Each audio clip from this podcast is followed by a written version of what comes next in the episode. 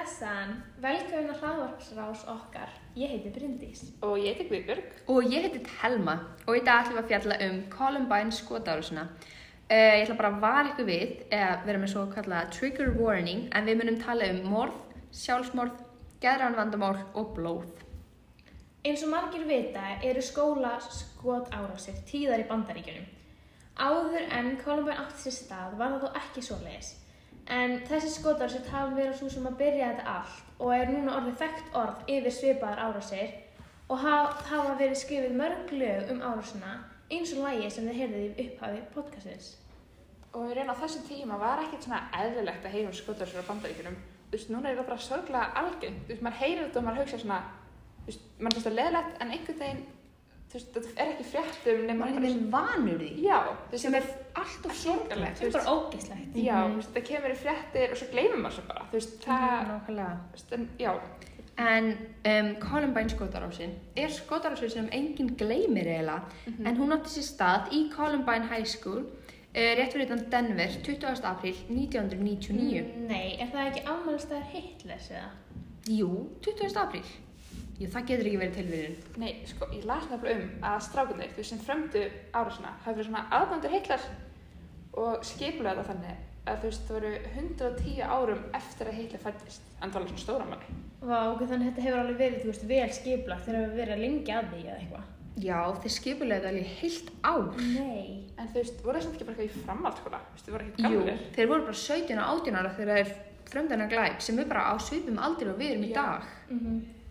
Þannig þú veist, ok, áður við veist, skoðum glæpin sjálfan, þá er alveg gaman að vita, þú veist, hvernig æskan þeirra var, eða þú veist, þú veist, að sé eitthvað svona sem að gefa merki um að, já, þú veist, þau myndi fremja eitthvað svona glæp. En jú, það er áhugavert út af því að fyrir utanakomandi litur fjölskyldu þeirra begja mjög eðlilega út og það var rauninni ekkert aðtöðunumvert við þær. En þegar litið var nær á lífstrengjana þá má ég mitt sjá að þú veist líf þeirra var ekkert dans og rósum.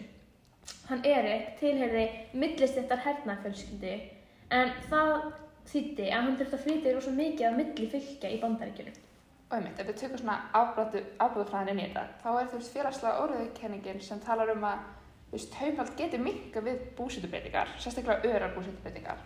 Það er svona í för með að gildi að minna vægi eða bresta og þú veist, í kjálfæri ekst tíðinni brota. En það er samt ekki þannig sagt að skilur, ef ég mynd, hefði flutt oft því að vera yngri, hefði ég áður ábútumæður, en það er bara, einmitt. eða þú veist, einhverju ykkur, heldur fyrir bara, þetta er svona, er eitt af mörgu einhvern veginn Já, hjá hann er þeim. kannski bara viðkominu fyrir Já, breytingunum einmitt. og maður veit aldrei hvernig það, þú veist, hvort það sé það eða Já. ekki, þannig að maður bara, þú veist, þess vegna er ekki allir sem að tengja við þetta, en Einmitt. það getur verið einhverjir. En þetta er mér gefur líf Eriks frekar erfitt og hann síndi mjög snamma merki um trublandi hegðun sem hefði náttúrulega átt að ringja við ákveðnum viðvörunarbjöllum hjá fóreldur hans. Býtu, gerði þá fóreldur hans ekki neitt eða?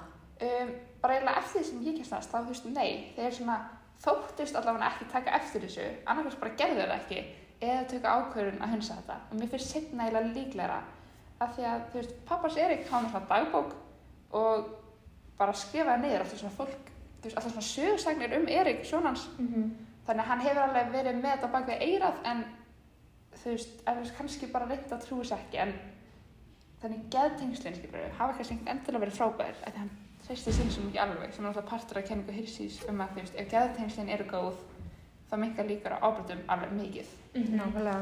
Þannig að pappans þeist hann kannski ekkert alveg en hann vildi samt vernda hann. Já, nákvæmlega. En það er áður að skoða því líf Eriks í skólanum var talið veruleg frekar eðlilegt og hann, þú veist, hann var ekkert sem stóð upp úr og hann var ekkert lagður einelti eða neitt svoleiðis en honum fannst hann samt ekki passa í hópin og hann skrifaði um þetta alveg oft í dagbókinu sinni og en þú veist þessar dagbækur sem hann skrifaði komum að mjög góðum nótum þegar það kom að rannsókn málsins. Já, mitt báðir strákunni voru með svona dagbækur Mm og hjálpuðu í raun og veru þú veist mjög mikið við svona rannsókn á málinu og bara skoða þú veist hvað fór í gegnum huga þeirra og bara svona fyrir geðlækna.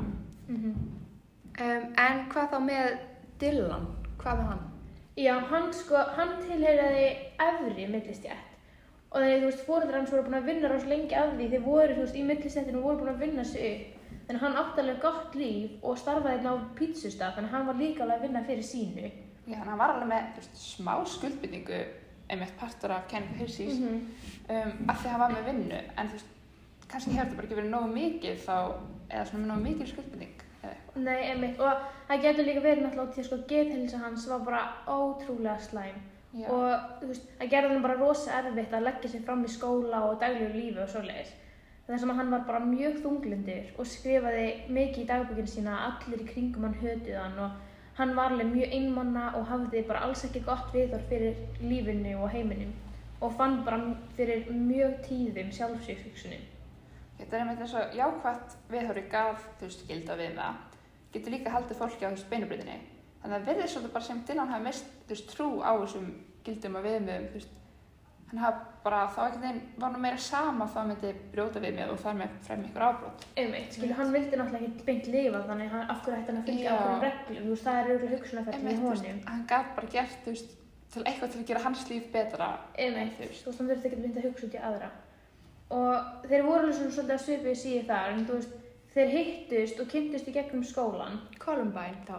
Já, og þú veist, þetta er eitthvað Dylan. Mm Og þeir urðu strax bara rosa góði vinir og höfðu mjög svipið áhugamál sem einkendust af tölvum og svona tölvuleikjum og það ofbeldi og hatri og þeir voru mjög mikið að spila ofbeldisvilla tölvuleiki sem að margir tengja oft við þá sem að fremja skotarfisir.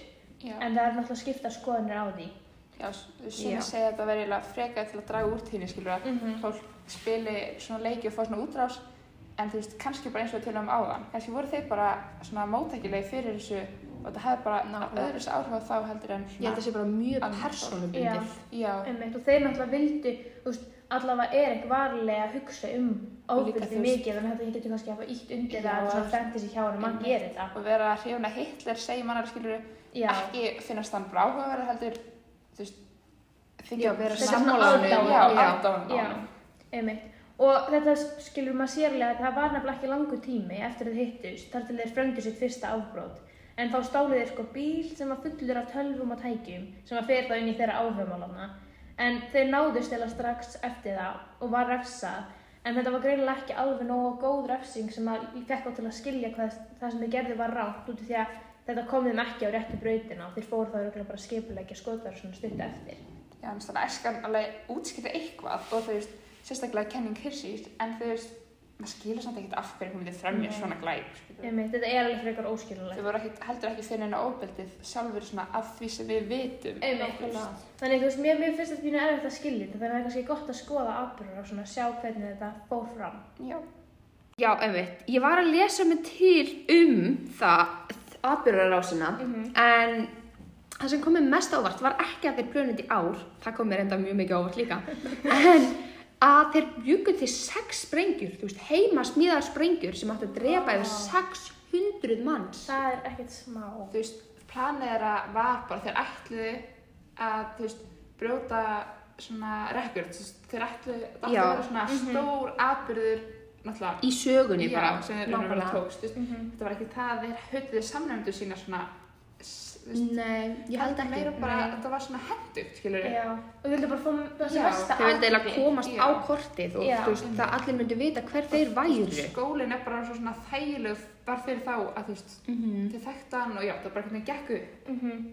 Og það voru náttúrulega eins og þú segir, sex sprengjur og það voru ekkert allar á sama stað. Það voru náttúrulega við og dreif um Littleton sem er bærin sem þeir byggu í og það voru tvær sprengjur í sikkurum bílnum þeirra og svo voru tvær sprengjur inn í matsal skólans en svo voru líka tvær fyrir utan skólana sem áttu að vera svona trublun til að fá bráðalegana og laurugluna til að fara annað áður en það myndi koma að hjálpa. Já, um, en þú veist, þeir byrja á því að fara með sprengjurnar inn í skólan, þessar tvær sem áttu að fara inn í skólan, um, fór svo aftur út í bíluna sína til að sjá þetta gerast. já, En þegar sprengjurnar sprungu ekki, fór, inn, fór þeir inn með hlaðina rifla og byrjuðu bara að skjóta. Og já, þeir hafa bara verið staðnaðir í að allan að myrða bara einhver þennan dag, bara Já. sama hvað, Algjörlega, en alls stóu uh, 15 manneskjur í skotarásinni á innan við klukkutíma. Það voru 12 samnefndur strákana, einn kennari og Erik og Dylan, en þeir frömdu sjálfsmorð eftir á skotarásina. Og hugsaði um alla þessa, þessa saklösi krakka sem að misti lífi bara á þessa áhuga þeirra að vera partur af sögu ég bandaríkja. er bara að pæla í þessu, þetta er bara svona, bara- maður getur ekki einhvern veginn, þetta er bara, Ég skil það ekki, eða? nei, Nei, og líka þú veist, ég bara, ég, þú veist, lögreglan hlýtur að fara bara beint inn í skólan þegar þeir vissu af þessu, eða ekki? Nei, það er einmitt það sem mér finnst bara ógeðslega skrítið við þetta er að þegar skotárásinni lauk sem var fyrir hádegi um, beið löggan í nokkra klukkutíma áður en þeir fóru inn í skólabygginguna þar sem þeir heldu að enn þá stafaði hætta að byggingunni. En á meðan þeir byðu fyrir utan þá blættu mörg fórnalömpin bara út og dói Nei, ok, þú veist, það, það væri svo miklu fleiri á lífi ef þeir hefðu bara drullast til að koma og fara inn í skólan strax, sko. Þetta er líka núna, þú veist, það fara lögregla bara strax inn í skóluna, þú veist, það var breytt svona. breytt bara þessu, þess vegna út Já. af þessari árás, þá þess vegna breyttist Já, þótt að þessi hafi komið með mjög slæm áhrif, en það Já. ítt hún líka undir auki öryggi í skólu Nákvæmlega. og umræðinu um, um þú veist, Byssueig, sem er alveg, þú veist, það eru þetta jákvætt, en á mjög slæman hátt. Já, Nákvæmlega. Eftir að hafa skoðað, þú veist, dagbökkustrákuna, það var niðurstaði geðalagna að Erik hafi bara eiginlega verið tefandi tímasmyggja. Þú veist, það var bara tímasmyggsmál hvernig hann myndi brjóta af sér, veist, alvarlega og eiginlega ef hann hefði ekki brjótað af sér þarna, hefði hann fram með eitthvað, þú veist, gert eitthvað ennþá verra. Já, Og þeir telja hann bara hafa verið miskunlausan, kaldir við hann psykopata, eða þú veist, psykopath. mhm, Aftur á móti telja hann að Dylan hefði ekki farið á þessu braut, þú veist, nema vegna þess að hann kynntist Erik. já, þannig að maður raunin að segja að Erik hafi eiginlega verið svona að stjórna þessu, hafi verið ástæði þess að þeir fóru báðir í þetta. Já, um að segja það. Dylan vildi rauninni bara hægt að lifa, þannig veist, hann rauninni hafi ekkert að stjórna þessu, hann bara ákvað að gera þetta með honum. Nákvæmlega. Uh, og það er mjög sorglegt, en mjög áhugavert og bara, ég bara hveti alla til að fræða sig meira um þetta því þetta er bara, Það hefur gríðarlega áhrif og eitthvað. eins og TED fyrirlastur frá mömmu Frá, frá mömmu Dylan, já, þannig að alls konar það áhuga alls konar um þetta. En við ætlum að fara að jafna okkur á þessu. þetta var mjög erfitt. Uh, en takk fyrir að hlusta og við munum sjást síðar. bless bless